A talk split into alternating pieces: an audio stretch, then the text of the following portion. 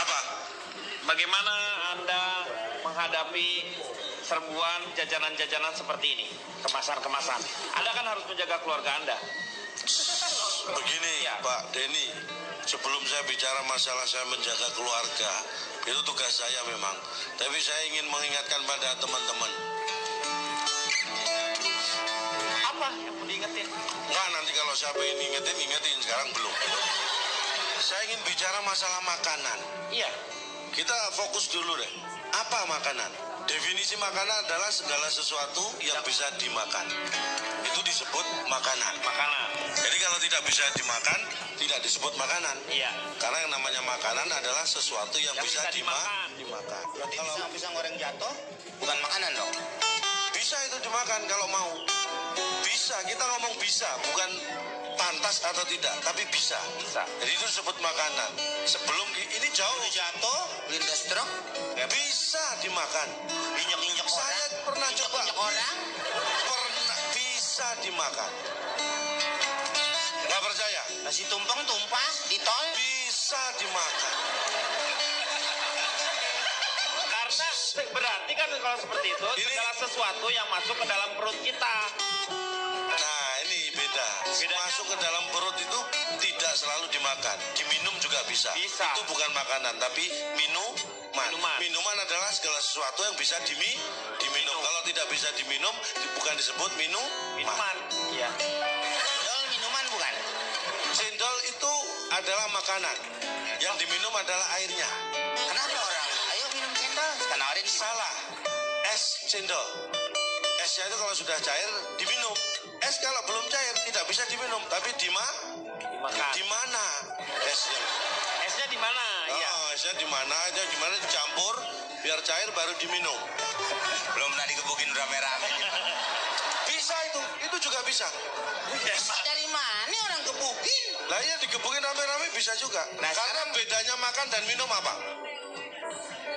Makan dan minum. Bedanya makan dan minum apa?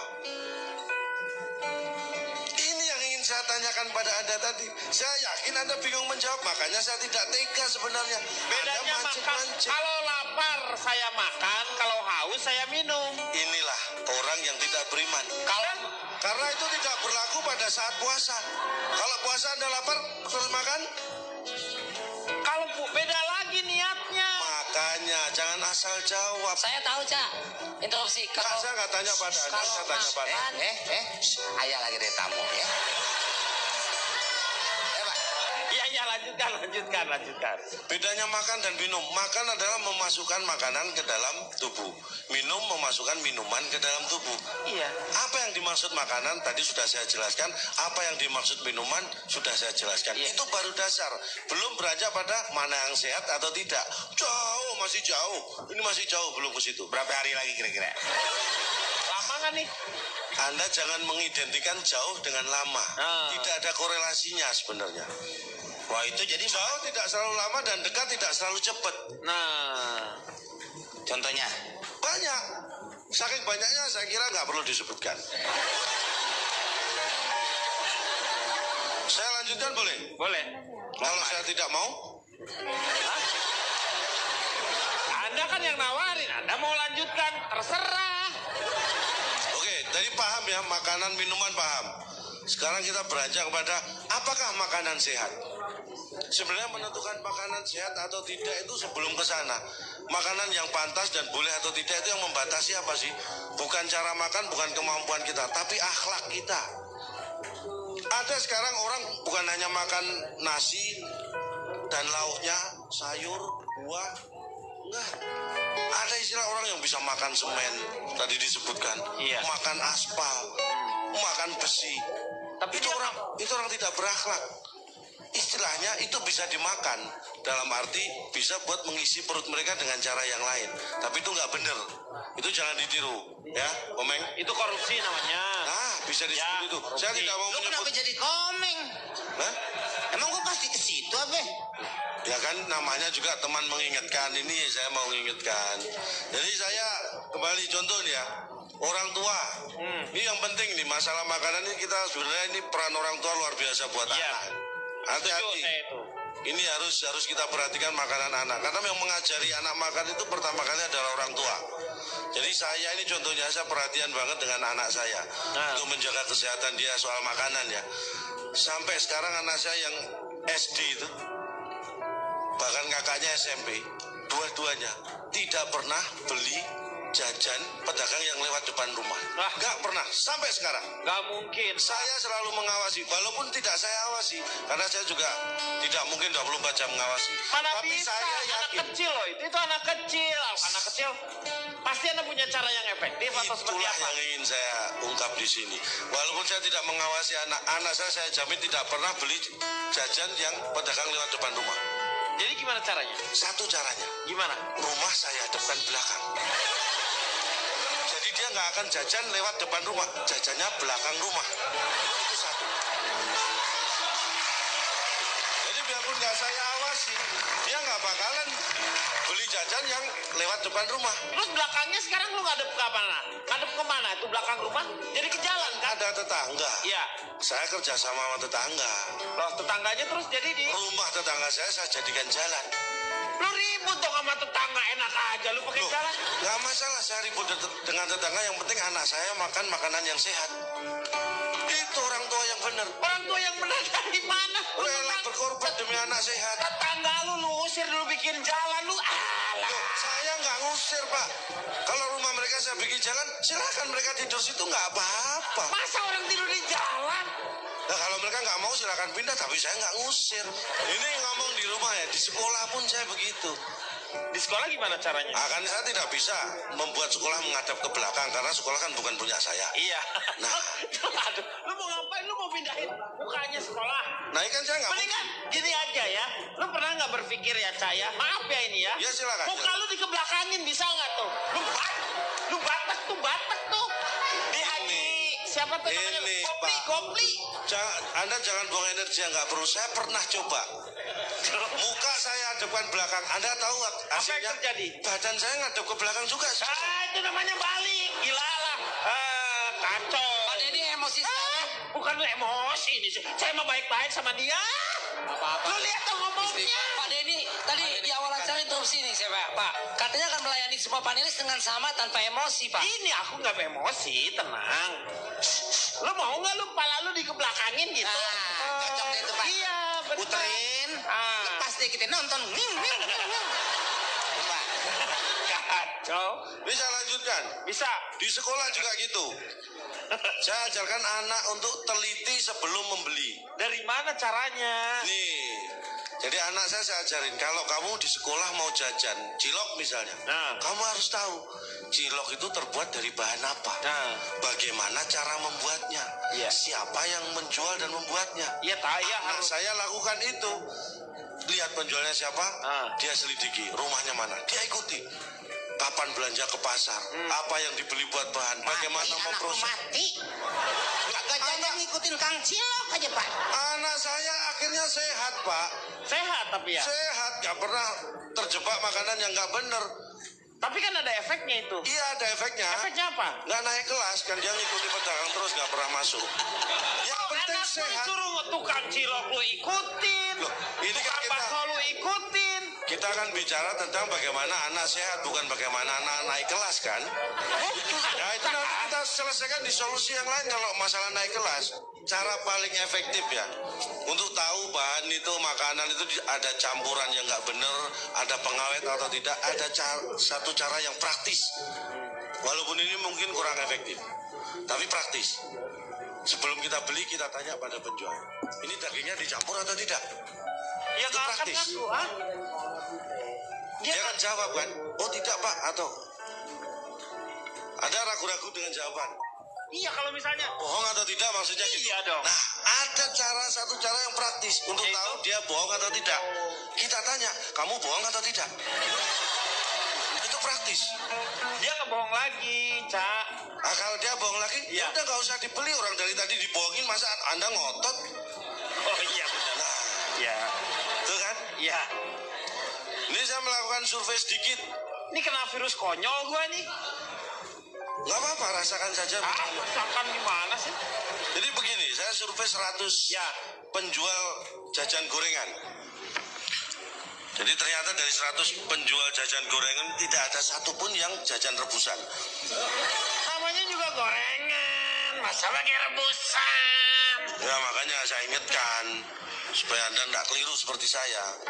Tinggal aja yuk kita tinggal lu sakit hati kayaknya ada perasaan. Ini bukan sakit tangan, Enggak sakit nih, jiwa. bisa-bisa saya tinggal loh ini. Loh, kamu yang ditinggal. Lah ya sebelum itu terjadi. Jadi Bang, jangan- emang lu yang diperluin, pakai lu mau ninggal gitu. iya. Oh iya. Jadi dari 100 penjual jajan gorengan itu Ya, semua menjawab iya. Dan Menjawab tidak iya? semua menjawab tidak.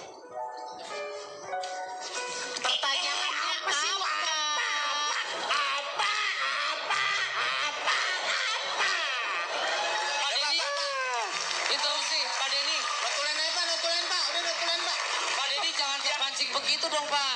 Dia kan menjelaskan sesungguhnya Pak apa yang terjadi kronologisnya. Nggak- lu ngerti nggak? Lu? Ngerti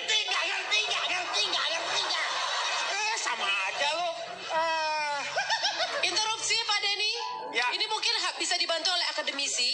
Ini saya duga, coba kita mesti selidiki jajanan dia pas masih kecil. Saya duga orang ini mabok micin nih Pak kayaknya nih Pak. Iya kayaknya nih. Ini mesti diteliti dan ditelah Bapak pas kecil tuh makan apa nih? Kayaknya salah jajan nih Pak. Kebanyakan makan celeng bunting saya mau tanya, bagaimana Pak, supaya survei saya belum selesai. surveinya? Wah, oh, belum selesai. Belum selesai, baru saya 100 orang 100 orang apa? 100 Iya.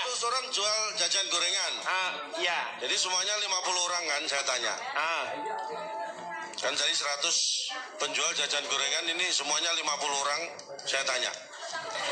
Berapa kali? Tadi katanya 100. Pak, Bapak tadi bilang 50. cepet bukan gocap. Ini nggak sabar. Memang semua jual gorengan ini gini loh. 50 orang itu jualannya pagi. Kan saya tanya yang pagi dulu. Yang 50 sore. Saya nggak bisa tanya bareng. Jualannya pagi sama sore. ini dia teori himpunan, himpunan dia tuh teori himpunan ya. Ya gram Saya ya. pertanyaan pertama saya tanya nih. Ya. Berapa kali goreng Anda lakukan untuk ganti minyak goreng? Ini penting. Jadi 50 orang itu menjawab tiga hari sekali ganti. Hah, minyak gorengnya tiga hari sekali. Ini jawaban mereka.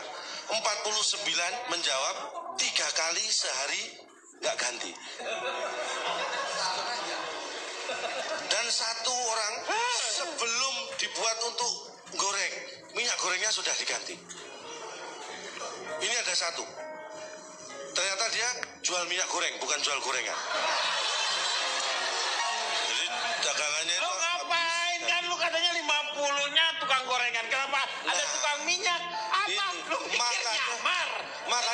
Survei. Kalau enggak nggak ketahuan ini orang satu ternyata jual, jual minyak goreng. Akhirnya saya coret.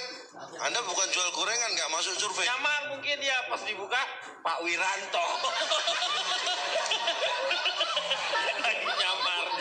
Lagi nyamar. Akhirnya ada 99 orang. Hmm. Karena ternyata yang satu kan bukan jual gorengan tapi jual minyak goreng.